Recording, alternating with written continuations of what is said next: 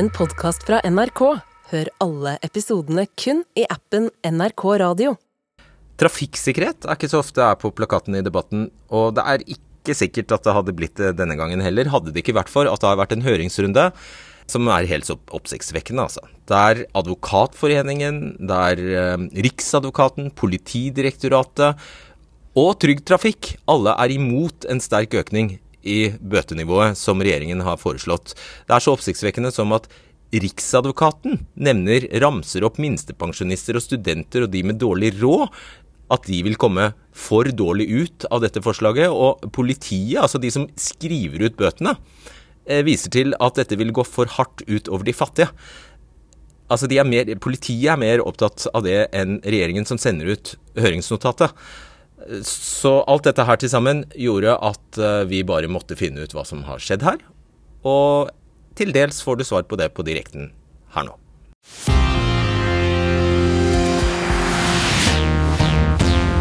2022 var et dystert år i trafikken. 118 personer omkom.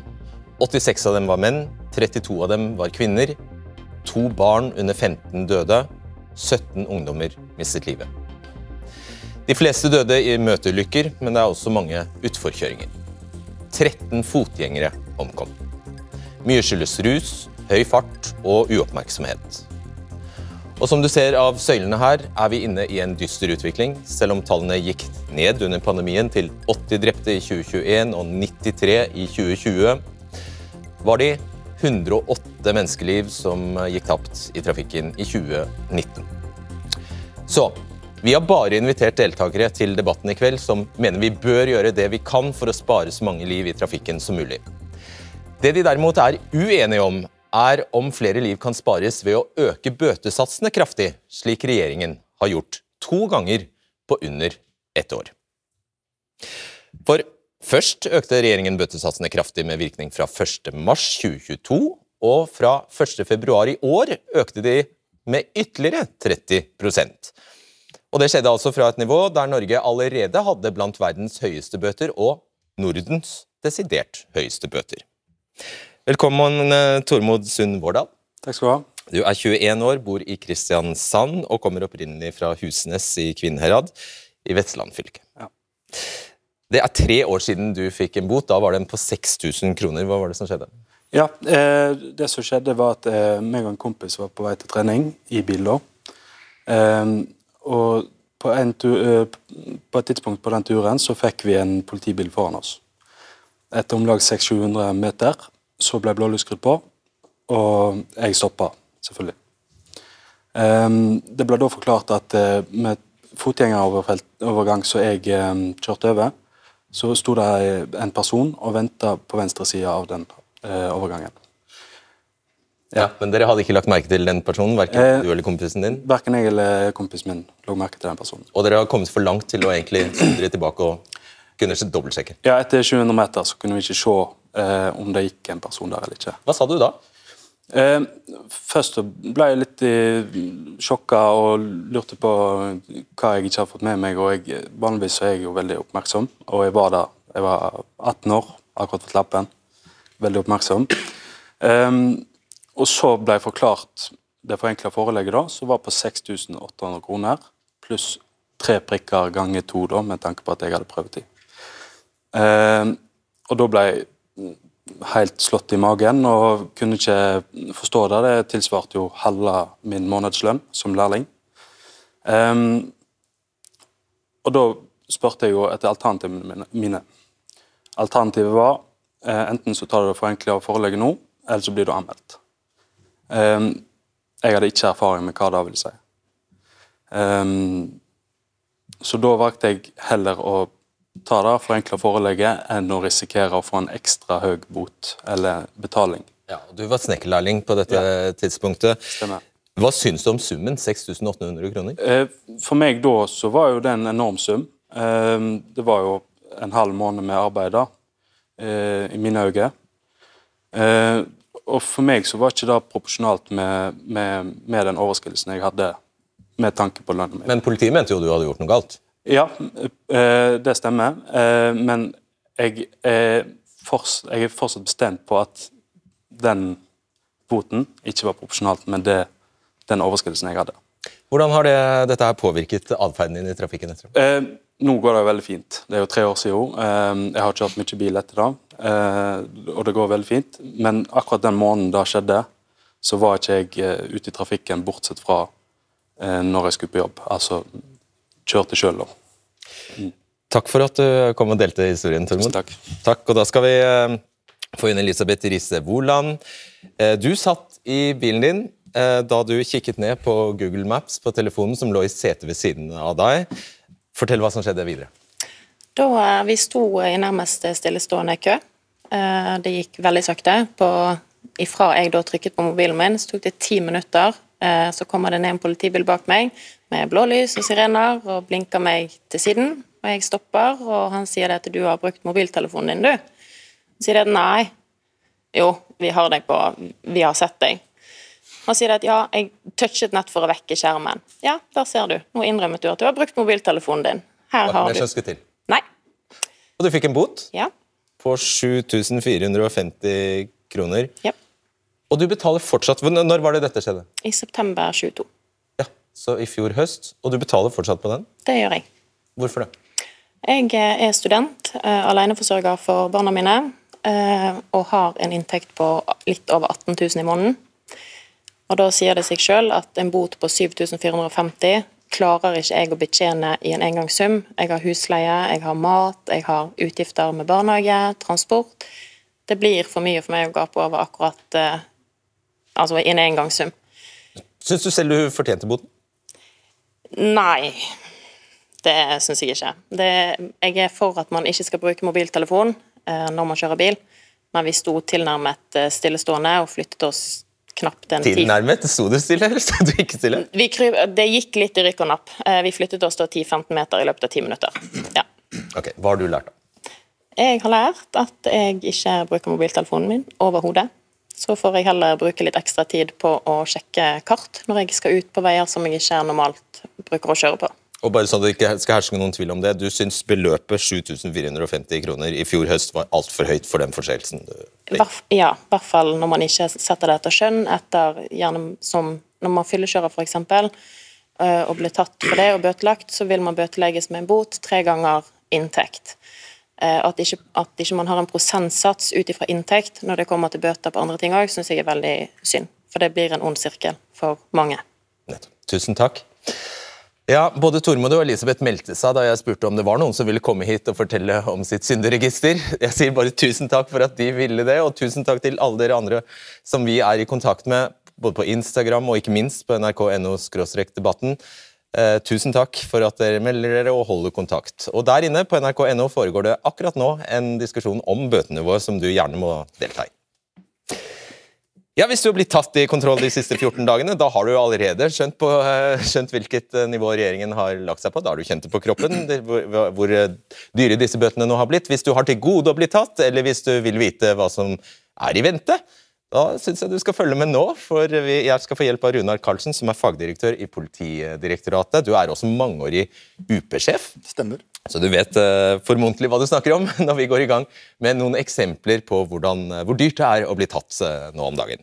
Vi starter med fartsovertredelse. Hvis du ligger i 90-sonen i ja, mellom 126 og 130 km i timen, da har regjeringen økt boten fra 11 300 kroner til 15 100 eh, kroner. Og det, eh, da skal jeg bare minne om 11.300 kroner var i fjor på denne tiden. Så det har gått raskt, dette eh, her. Vi skjønner jo dette her. Hva hvis jeg ligger i 35 km i timen over fartsgrensen og ikke 36, som var eksempelet her? Nå kan ikke disse i hodet, men det er en takst eh, også for det. Det er jo faste takster eh, på forenkla forelegg. som Det er ikke noe valgfag. Det er altså man Har man begått denne overtredelsen og det er bevist, så, så, så, Det så gir de det seg selv et skjema. ikke sant? Ja. Vi tar eh, neste her. For kort avstand til forankjørende, altså ligger rumpa på, på bilen foran deg. Dette, denne forseelsen, eller lovbruddet er det vel egentlig, mm. der har straffen økt fra 7250 kroner til 9700 kroner. Det samme gjelder hvis du kjører på rødt lys, økt fra 7250 til 9700 kroner. Hva er, vil det si å kjøre på rødt lys? Hva er rødt lys? Ja, det er eh, rødt lys. Det er eh, Når man skifter fra, fra f.eks. gult til rødt, så skal man da uh, bli stående og ikke kjøre, ta sjansen å kjøre ut i kryss. Er gult rødt? Gult er ikke rødt. Det kommer an på situasjonen. altså Er man i krysset, så man må komme seg ut osv. Så, videre. så det blir en konkret vurdering som gjøres på stedet. En klok vurdering av polititjenestemenn som, som, vurderer om det er en uh, kjøring på rødt lys. Ja, finnes det noe sånt som taxigrønt? Nei, taxigrønt uh, eksisterer vel ikke. Det er på folkemunne. Okay. Og det er farlig å kjøre på rødt lys, for å si det sånn. Ja, det vet vi. Det vet vi. Ok, Vi har brudd på diverse skilt. Eh, det er snakk om eh, alt fra påbudt kjøreretning, påbudt kjørefelt, kollektivfelt, enveiskjøring, gågate osv. Her har boten økt fra 5850 kroner til 7800 kroner. Hva betyr dette her? At å spare noen sekunder på å legge seg i kollektivfeltet, det Det er kostbart. Ja. Så det bør man ikke gjøre. Og Det ja. kontrolleres ofte. Og så har jeg et spørsmål på tunga her som jeg, Hvis du ikke kan og du ikke er retteinstans, så bare si det. Dette, disse, disse, reglene for hvem som kan ligge i kollektivfeltet, de varierer jo omtrent fra dag til dag, føles det som. Altså, Har du lov, og hvor mange passasjerer må du ha med deg? og det, Dessuten det er stor variasjon mellom kommunene. Eh, her sier jo loven at det er like ille å suse i vei på, i en gågate som i kollektivfeltet. Hvorfor skjelner ikke loven her? Det kan Man si. Man kan jo finne mange eksempler man stiller det ene opp mot det andre. Eh, og så kan man ha mange meninger om det. Eh, men eh, generelt så er trafikklovbrudd en risiko for trafikksikkerheten, og det kan medføre alvorlig skade og drepte, som vi har hørt. Nettopp. Så kjører man over en eller på, over eller på en hvit eller en gul sperrelinje, har boten økt fra 4450 kroner til 5900 kroner. Hvis jeg bare vingler litt, sånn, vingler litt ja, det er uh, også en konkret vurdering som politiet gjør på stedet. Men det er å krysse linjen, så, så har man i prinsippet begått lovbruddet. Og så skal man klare over at møteulykker er uh, en høy risiko. Det er mange som omkommer og blir hardt skadd i møteulykker. Så det er en mening med at det er, strengt, uh, at det er strenge straffer for det. Så hvis jeg legger meg litt for tidlig, jeg er på en påkjøringstrampe til en motorvei hvis jeg bare legger meg bitte litt for tidlig ut i, den, uh, ut i, kjørefeltet der, så er det bot i vente. Det er ikke sikkert. Jeg mener at politiet gjør en fornuftig vurdering fra gang til gang. Og vi jakter ikke bagateller. Vi tar de tydelige, klare forholdene, de som er uh, forbundet med høy risiko. Så vi er ikke så firkanta på dette. Ålreit, ålreit. Tar det på ordet. Det Bare husk det, dere. Bare husk det. Brudd på vikeplikten straff, ble straffet med bot på 7250 kroner. Nå er den økt til 9700 kroner. Eh, og Dette gjelder f.eks. hvis du kommer fra en parkeringsplass og skal ut i vei her. Så betyr det at hvis noen må, Jeg kommer ut fra en parkeringsplass, noen må bråstoppe, da er det bot? Det er åpenbart et brudd på, på de bestemmelsene. Eh, og Er det nær en ulykke eller en ulykke, så får man heller ikke et tilbud om forenkla forelegg. Da blir det en anmeldelse og blir betydelig høyere enn et forenkla foreleggsats. Det er mottatt. Blinklys da, eh, økt fra hvis man ikke bruker blinklysrett, fra 2750 kroner til 3700 kroner. og denne Altså, bare Kan du ta disse rundkjøringsblinkreglene nå? For der, her tror jeg at reglene har endret seg siden kanskje brorparten av debatten seere tok lappen? Kanskje? Det er ikke så vanskelig. Man betrakter en rundkjøring som et veikryss. Skal man ut først til høyre, så blinker man til høyre. Eh, skal man ut til andre, så blinker man når man har passert den første utkjøringa. Eh, skal man til venstre med en gang, så setter man på venstreblinken og kjører inn i rundkjøringa og blinker ut eh, etter den siste avkjøring før der du skal kjøre ut. Så så det er ikke så vanskelig. og Skifter man eh, felt inne i rundkjøringen, så skal man også gi signal. Så eh, jeg syns det er litt overdrevet at det er så komplisert. Nei, men Det er mange som ikke har det kanskje i fingrene og blinker både inn og ut.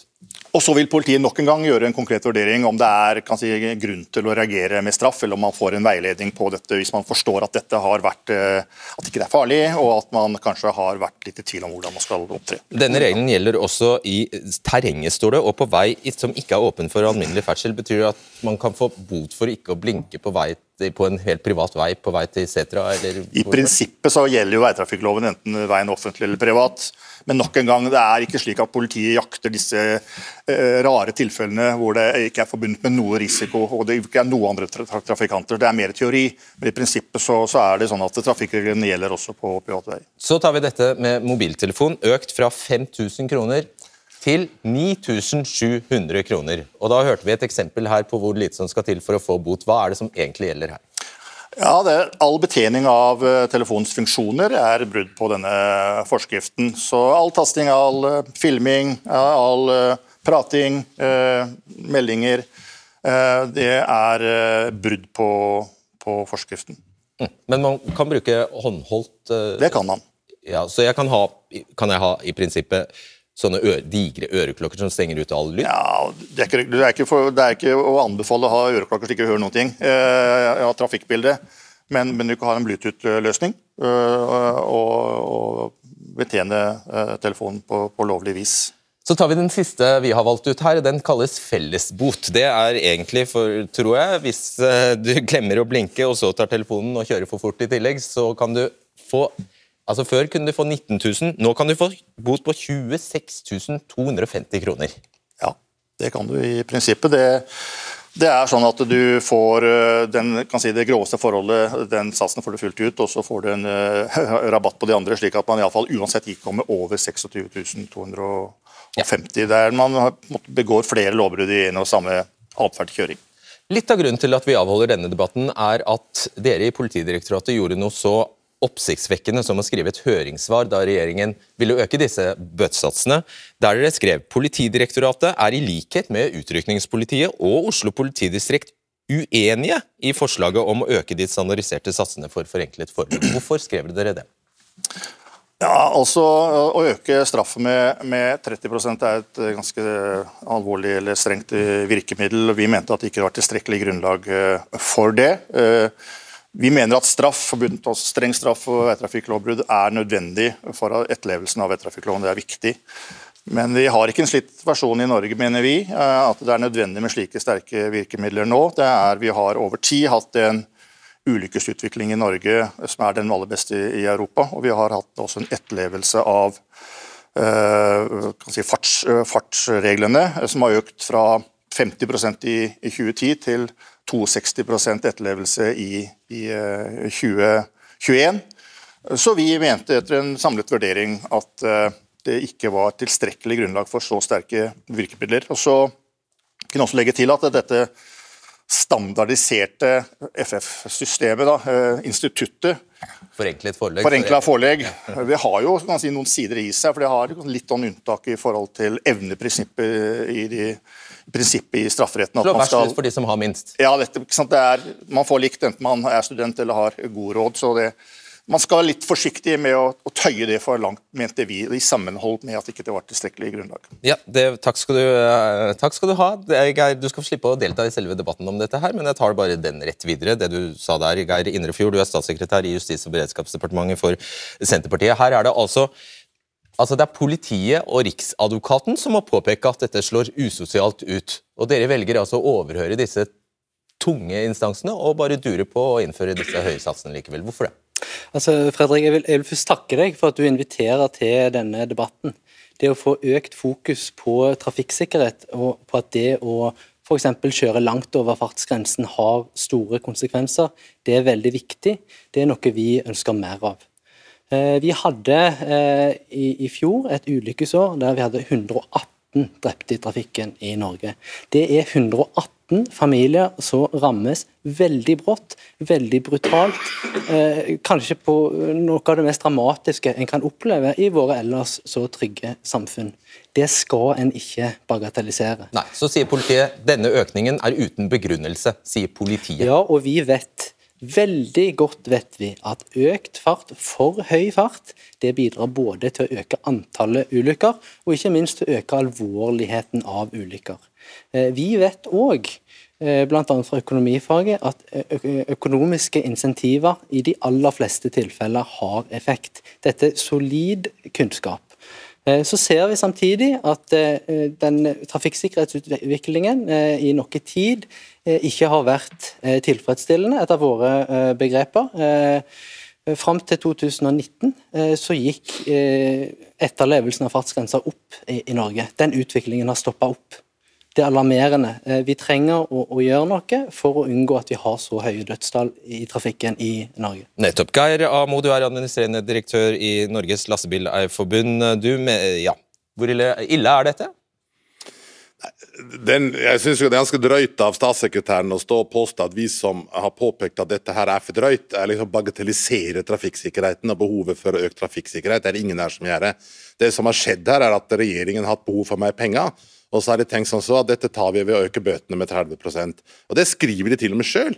Fordi de regner jo ikke med i budsjettet de har lagt fram at de skal få færre forseelser. De regner med akkurat like mange forseelser i år som de gjorde i fjor.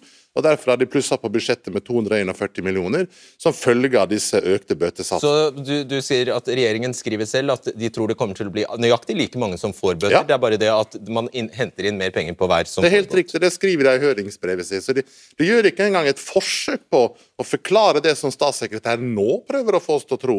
Eh, De bare skriver at de trenger mer penger. De regner med like mange forbrytelser eller forseelser i år som i fjor, og dermed så får de inn 241 millioner ekstra. Og det er det som er alvorlig, Fredrik. Fordi at når du skal ha bøter, så skal det være basert på et forholdsmessighet mellom det du gjør og det du blir straffa for, og det skal ha en effekt. Og det har det ikke dokumentert i det hele tatt at disse kraftige økningene den har. Eh, Det er riktig det at dette vedtaket ble fattet i det kan vi ta, det lar vi legge. Dere har regnet på krona, det, hvor, mye staten kommer til å sope inn på dette. Så 241 millioner kroner, står det.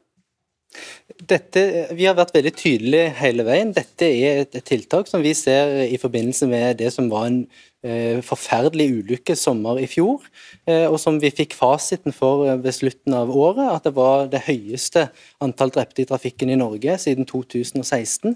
Eh, og Fram til da hadde vi hatt en positiv utvikling i lang tid. En ser en brudd. eh, Er det en påvist sammenheng? Det er det vi er ute etter.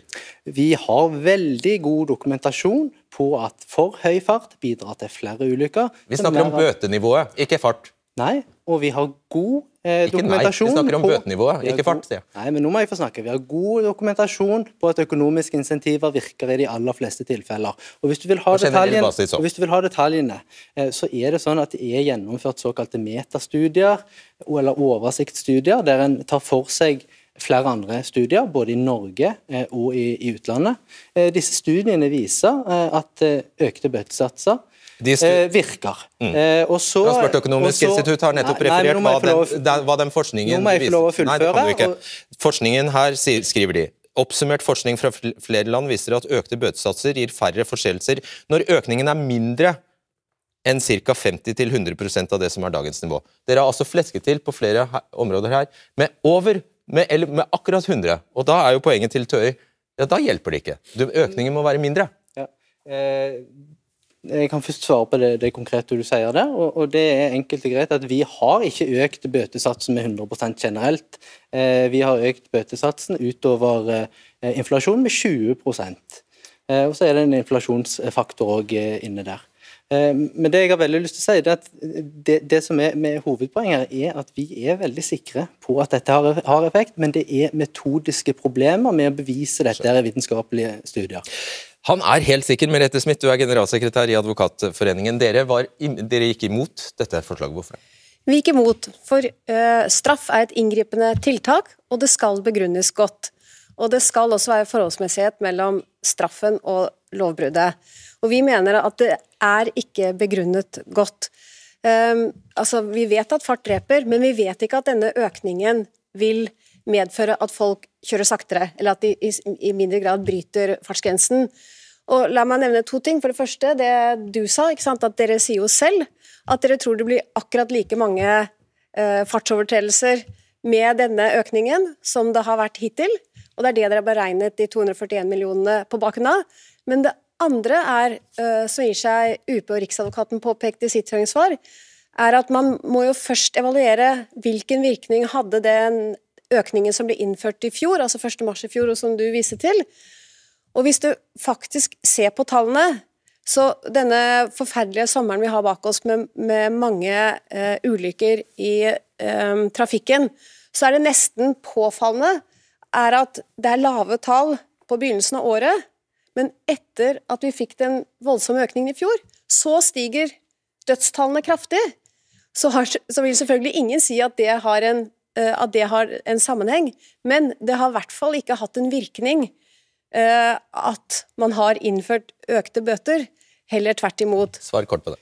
Det er litt vanskelig å, å, å, forholde seg til det argumentet, for den økningen i fjor var kun en inflasjonsjustering. Det har ikke vært noe voldsom økning som vi kunne se effekten av i fjor. Og så, så tror jeg at seerne skjønner at vi kan ikke påvise at denne bøteøkningen fører til fem eller ti eh, reduserte antall dødsfall neste år. Det er veldig kompliserte og mange faktorer som virker inn her, men vi vet at økonomiske insentiver i de aller fleste tilfeller virker. Uh ja, du får svare kort. Det som er artig, er jo at nå snakker statssekretæren mot seg sjøl. For først så sier han at han øker for å få ned antall forseelser, og så sier han at han vet ikke om det virker. Poenget er at det økte i fjor, og ulykkestallet gikk opp. Eh, og Hvis man ønsker å få ned antall ulykker, så må man jo ta flere. Da Da må man gi politiet mer ressurser til å, eh, til å gjøre jobben sin, til å kontrollere trafikk og til å stoppe de som forbryter seg. Man må brøyte salt og strø mer og være villig til å bruke mer ressurser på det. Man må bygge flere veier med midtdeler osv. Altså, men det gjør man jo mindre av. Det setter man jo mindre penger til, og så øker man bare bøtene uhemma i den tro at det virker. Og det virker dessverre ikke. Vi samler opp litt her. fordi Først eh, til deg, Brynjar eh, Østgaard. Velkommen til deg. Du er advokat i advokatfirmaet Østgaard. Og du mener faktisk at dette kan være lovstridig. Forklar kort. Det er ting som tyder på at dette vedtaket reelt sett ble truffet på en budsjettkonferanse i august 2022. Hva tyder på det? Eh, informasjon som jeg har innhenta fra departementet. For jeg har bedt om innsyn i eh, samtlige dokumenter i denne saken. Og Der har vi fått en, en eh, beskjed om at uh, i august 2023, så beslutt, 2022, um, for budsjettet for 2023, så bestemte regjeringa seg for å heve dette, dette bøtenivået. Kanskje de pleier å ta opp mange ulike saker i budsjettkonferanser? Ja, men, men, det var jo i så fall et, en, et vedtak som reelt sett var fatta før man hadde utreda det, og før det var sendt på høring. Og eh, eh, det er jo et, et, et eh, budsjettmessig hensyn. Og, og det er i, i, i, strafferetten et irrelevant hensyn. Det er ikke lov? Nei, man skal ikke ta budsjettmessige hensyn når man fastlegger et straffenivå. Og Det er jo en kjent sak i norsk forvaltningsrett at dersom et vedtak er influert av et utenforliggende usaklig hensyn, så kan vedtaket være ugyldig.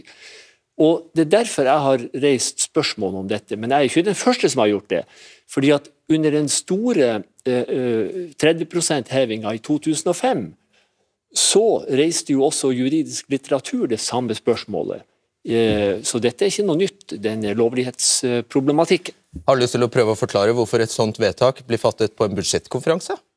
Dette vedtaket er vi veldig trygg på er helt rett gjennomført. og Begrunnelsen er ikke fiskal eller økonomisk, sånn som det påstås her. Begrunnelsen er?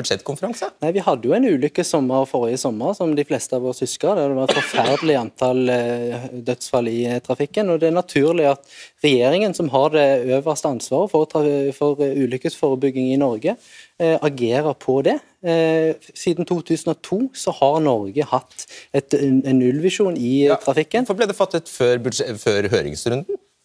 Vi har lytta grundig i den høringsrunden. Vi har vurdert alle høringsinnspillene vi eh, har fått. Og Dere hadde jo fattet vedtaket før høringsrunden var over?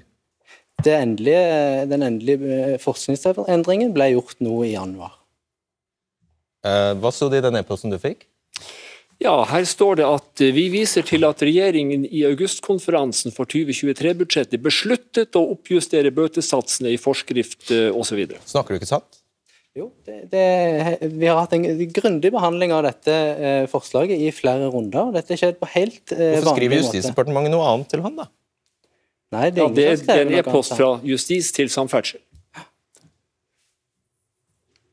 Det, det er en helt regulær budsjettprosess. Det har vært en han grundig prosess. At han sitter på en e-post, og den har jeg også sett, der det står svart på hvitt fra Justisdepartementet denne beslutningen ble fattet ja. i august 2022.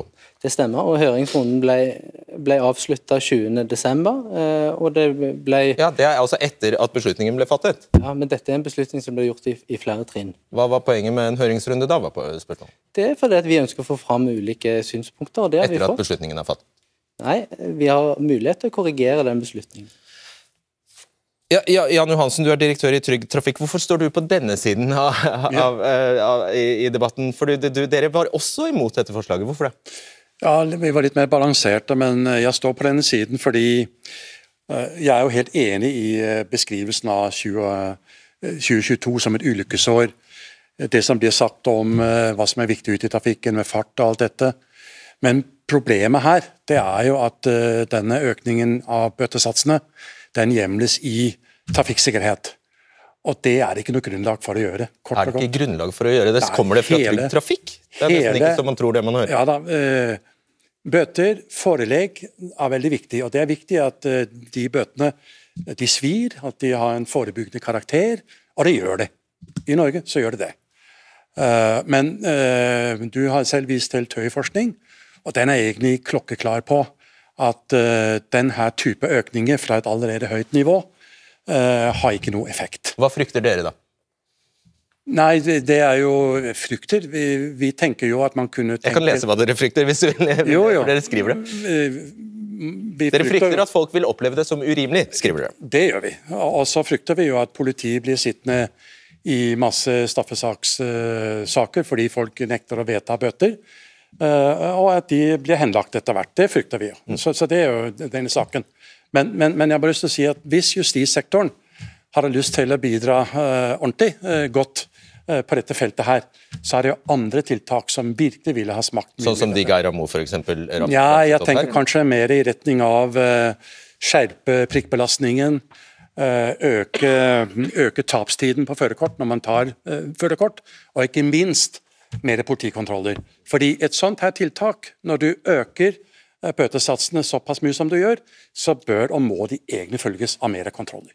Ok. Emil eh, Rensvala, du er konstituert eh, generalsekretær i Syklistenes Landsforening, og dere mener dette vil fungere? Høyere bøter. Hvorfor det? Vi kommer jo fra to tiår av nullvisjonsarbeid i Norge som ikke har vært framgangsrikt for myke trafikanter. Eh, og nå er det på tide å snu den utviklingen, og da må vi vende på hverenda stein. Eh, Dette er en av dem. Vi må ta, ta mange grep. Eh, vi kan jo konstatere at 2022 var et veldig dårlig år. Da gikk vi til og med bak med 11 drepte på sykkel eller sparkesykkel. Og nå så personer som sykler blir på daglig basis utsatt for forbikjøringer som kommer altfor nære. Man blir utsatt for høye hastigheter. Man blir utsatt for folk som sitter i eh, bilen og skriver SMS mens de kjører. Og nå må det bli slutt på tull og få ordning og rede. Og det her er en viktig signal da, å sende til norske trafikanter. Skjønner. Finnes det noen grense for hvor uh, høyt Syklistenes Landsforening mener uh, bøt, uh, bøtene kan ligge? Det vi har tatt stilling, stilling til, er jo regjeringens forslag. og Forskningen her er tydelig, at det her er innenfor de 100 høyningen som man sier vil gi en effekt på trafikksikkerheten. For det meste er høyningene rundt 30% Høyningen i fjor var i enighet med KPI. Dette er tiltak som vil lede til bedre trafikksikkerhet. over 26 000 kroner kan man altså få i felles bot hvis man er bilist. Vet du hva? Den boten man, altså den aller dyreste boten man kan pådra seg som syklist er? Har jeg ikke svar på. Nei, det er bare 1750 kroner hvis man kjører på rødt lys eksempel, som syklist. Dette er veldig uproporsjonalt. da. Du kan jo være en kjempefare i trafikken, du òg. Eh, det vi er veldig tydelige på i vårt høringssvar, er at eh, det må være høye bøtesatser for trafikkbrudd som fører til en stor risiko å skade andre. Eh, og Da er det de tunge kjøretøyene vi må. Det er høye hastigheter, det er surfing bak ratten, og det er farlige forbikjøringer. Mm. Merete Smith, du skal straks forlate oss, men når vi vet at konsekvensene her av forseelsene kan være fatale, og du snakker om forholdsmessighet, blir ikke det helt nesten eh, gir ikke det, det, det gir jo nesten ingen mening? Fordi forholdet her er død versus et eller annet Ja, Det er klart, eh, altså det er veldig alvorlig, de konsekvensene det kan ha. og Man har jo i seg man kan jo bli dømt for eh, uaktsomt drap i trafikken hvis det har alvorlige følger. Men samtidig så skal, er det slik at det skal alltid vurderes om det er forholdsmessighet mellom den forbrytelse som er begått, og den uh, straffen man idømmes. Um, og det er klart, som vi har snakket om tidligere her, det er jo utrolig stor forskjell mellom de alvorligste lovbruddene og de ikke så alvorlige. Og alle ønsker jo at disse skal bekjempes, men det er likevel grenser for hvilke, uh, hvilken straff som kan idømmes. og um, man kan jo tenke seg her, eller faktisk så skriver jo departementet i høringsbrevet sitt at man er redd for at det kan bli flere straffesaker som følge av de økte bøtene. Altså at Grunnen til det er at man ikke vedtar forelegget, for man tenker at eh, det syns man ikke er riktig eller ikke rettferdig eller ikke forholdsmessig. Og så Da vil jo saken bli tatt til retten uh, som en straffesak.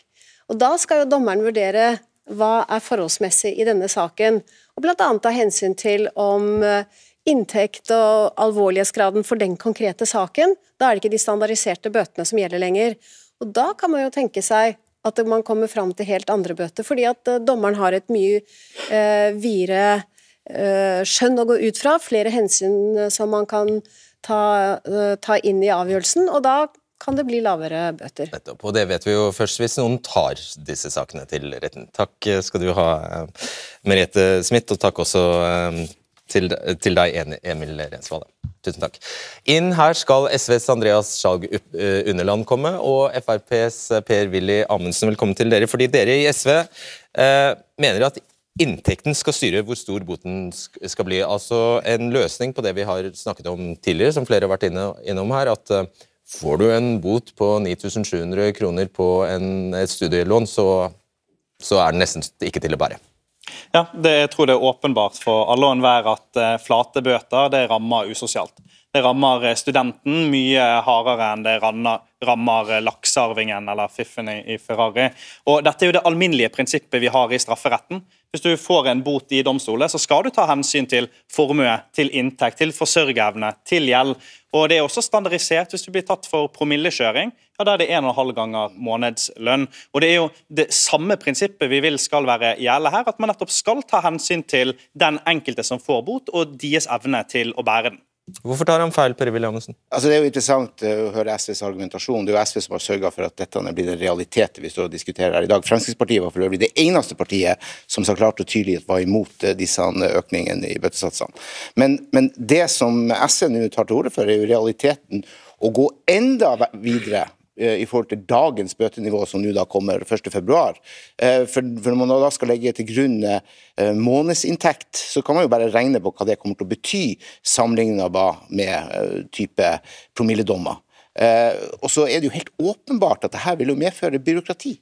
Jo, Man skal erstatte et forenkla forelegg som løses på stedet, med et eller annet byråkratisk system hvor man da må eh, vurdere inntekter. Eh, og, og, skrive ut eh, bøter, og som da i neste fall kommer til å bety konflikter. Det kommer til å bety at saker blir dratt opp for domstolene. Vi har ærlig talt andre ting å bruke tida i norske domstoler på enn å bruke det på, eh, på denne type saker. Og så er det et faktum som det var vel nesten bare Runa Karlsen som var innom det, men Norge er faktisk, til tross for disse tragiske 118 dødsfallene i fjor, så er Norge blant de landene som fikser trafikksikkerhet aller best. Så hvorfor, eh, hvorfor, hvorfor gjøre noe med et system som egentlig fungerer ganske godt? Det dette handler om, er jo å få det generelle prinsippet i strafferetten til å også gjelde på dette området. Og så har jo det skjedd veldig mye på det teknologiske området.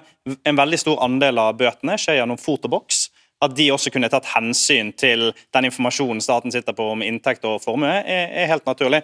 Og, Det Per-Willy argumenterer mot her, er jo det prinsippet vi har på promille. For eksempel, Hvis Per Willy eller en annen stortingsrepresentant blir tatt med promille, ja, det er det ca. 120 000 i bot. Da er det to løsninger på det. Enten å fjerne det prinsippet, eller å stemme for at stortingslønningene skal ned, som vi i SV. Jeg tror vi skal, jeg tror vi skal være enige om, Nå tror jeg ikke noe fare for at jeg blir tatt i promillebot, men, men, jeg tror det er veldig stor forskjell på det å gjøre en fartsovertredelse og det å kjøre i promille. og Det, liksom, det er noe med alvor her. og Det er jo det som er litt av problemet, som flere har vært inne på her. Det handler om forholdsmessighet. Når det er, rett og slett er sånn at i Norge så kan du altså få, eh, få eh, samfunnsstraff for å begå voldtekt hvis du er under 18 år, eh, så, så, blir dette totalt urimelig. At vi skal ha et samfunn hvor du kan da få 26 000 i bot for å gjøre trafikkforseelser. Det henger rett og slett ikke på greip, og det her burde egentlig SV eh, sørge for å rulle tilbake. For det her rammer vanlige folk, dette rammer folk flest. Det rammer folk med normale inntekter, og det er ingen løsning det dere skisserer, som kommer til å bety byråkrati og belastninger for norske domstoler. Kan det være aktuelt Geir Indre for, regjeringen å vurdere dette? SV-forslaget? Altså, vi, er, vi er nå opptatt av at uh, dødsulykkene har økt betydelig i fjor. Uh, og så vet vi, uh, bl.a. Uh, ut ifra Nasjonal transportplan, som alle partiene her har vært med på å vedta, eh, at eh, ordningen med forenkla forelegg er et av de mest effektive trafikksikringstiltakene vi har. Ja, men Å koble bøtenivået til inntekt, som SV vil? Ja, og, og, og Grunnen til at forenkla forelegg fungerer så bra, er at det er enkelt og effektivt. Hvis vi skulle erstatte det eh, med f.eks. sånn som promillebøter beregnes, så må en starte en egen sak og ha avhør i hver enkelt sak. og Da måtte antallet kontroller gått betydelig ned. og Det er grunn til å tro at det ville ført til flere fartsovertredelser og flere dødsfall. Så svaret var nei? Vi, vi, ingen, vi vurderer ikke det nå. Vi vurderer, vi vurderer 179 andre tiltak for å øke trafikksikkerheten i Norge. Altså, dette er noe regjeringen tar på største alvor. Eh, For det første så mener vi også at dette skal være forholdsmessig. og Vi har ikke sagt at vi skal gjøre det en og en halv ganger månedslønn nødvendigvis. Det Vi har sagt på er Vi må se om dette prinsippet kan implementeres. Og Dette er jo sånn en rekke land gjør det. Det er sånn Sveits gjør det, det er sånn Finland gjør det. Og Det vi har sagt og fremmet forslag om, er en utredning på dette. Og Det de gjør i Finland, er at de skiller mellom mindre eh, overskridelser og de grove tilfellene. og der Når det er grovt, når det er alvorlig, ja, da skal man gå inn og bruke dette prinsippet. Hva mener dere i Trygg Trafikk om dette? her? Nei, jeg, jeg bare bemerker at uh, det snakkes om hva som er det mest effektive vi kan gjøre. Vi har ganske ambisiøse mål frem mot 2030. Og bare for å feie alt til side, noe av det mest effektive vi kan gjøre, det er å ha mer politikontroller som skal eh, håndheve de bøtesatsene og de rammene som er lagt for, uh, for trafikantene. Og Det skrev faktisk dere også i høringssvaret, at det vil ha en mye mer preventiv effekt å øke UPS-midler f.eks. Da s- vi har flere politikontroller, så øker man både den subjektive og objektive, objektive oppdagelsesrisiko. og Det betyr at man får mer etterlevelse av, øh, av fartsgrensene, annet. Så å gi politiet mer penger hadde vært mye lurere enn å øke bøtene. Det er egentlig det dere mener. Det er, det er et godt tiltak øh, selvfølgelig for øh, bedre trafikksikkerhet. Og så må vi huske på at folk er folk, og folk gjør feil. Og folk havner mer eller mindre uforskyldt ut i det å bryte en regel. Driver du varelevering i Oslo sentrum, så er det veldig vanskelig å gjøre det uten å kjøre forbi et skilt. Og Hvis du da skal risikere å, å miste halve månedslønna di i bot, så er det urimelig. og Det er det vi ser nå. Og den økninga som er nå, det er det vi diskuterer, er ikke faglig begrunna. Det fremgår uttrykkelig av eh, den kongelige resolusjonen at man forutsetter at det ikke skal være økt antall kontroller. Men likevel skal man hanke inn 421 millioner. Fordi antall utstedte forelegg som følge av dette vil øke i takt med utviklingen i antall personbiler. Altså, det er jo et fantastisk resonnement. Man skal spare staten for kostnader ved økt politikontroll, som har effekt, det vet vi. Samtidig så regner man med at det blir så mange biler at vi skal hanke inn 421 millioner, for det skal være like mange forelegg. Altså Det er jo et fantastisk kinderegg for, fra Finansdepartementet, kanskje. dette her. Du får avslutte for oss. Svar på det. Jeg vil bare si, altså Vi har eh, 118 dødsfall i trafikken eh, i fjor. Vi er nødt til å jobbe sammen som et fellesskap for å få ned eh, disse tallene. Eh, dette er ett av flere tiltak regjeringen gjør. Det er 179 tiltak i tiltaksplanen som vi eh, jobber med. Eh, Den er god. Og dette virker ikke. Og dette var, det var det vi rakk. Eh, Du finner også debatten som podkast. Den er klar, klar aldeles straks. Vi ses på torsdag. Forhistorien her. Vi ber selvfølgelig alltid om statsråd ansvarlig statsråd. I dette tilfellet så trodde vi det var Samferdselsdepartementet fordi det handler om trafikk, men Samferdselsdepartementet viste oss direkte videre til Justisdepartementet fordi det er av en eller annen grunn de som har formelt vedtatt eh, dette, denne forskriften. Så da er det greit. Vi eh, spør da kan statsråden i Justisdepartementet komme. Det kunne ikke statsråden, og da valgte de å sende Geir eh, Indrefjord. Så vil kanskje noen mene at jeg var litt hard mot en statssekretær som ikke hadde vært i debatten før. Til det tror jeg bare at jeg vil si at eh, det er for meg ganske revnende likegyldig hvem statsapparatet i et sånt tilfelle velger å sende, eller regjeringsapparatet velger å sende. Eh, De valgte å sende han. Da forventer vi som redaksjon at han stiller forberedt og kan svare på de spørsmålene han får. Og det var egentlig det jeg følte underveis her at han delvis ikke gjorde. Og da er jeg bare nødt til å stille de spørsmålene eh, som jeg må for å oppklare saken så godt som mulig. Så jeg, jeg følte det var det som skjedde her. Greit. Jeg tror jeg lar det være med det. Og kjør forsiktig, dere. Kjør forsiktig. Ha det. Du har hørt en podkast fra NRK. Hør alle episodene kun i appen NRK Radio.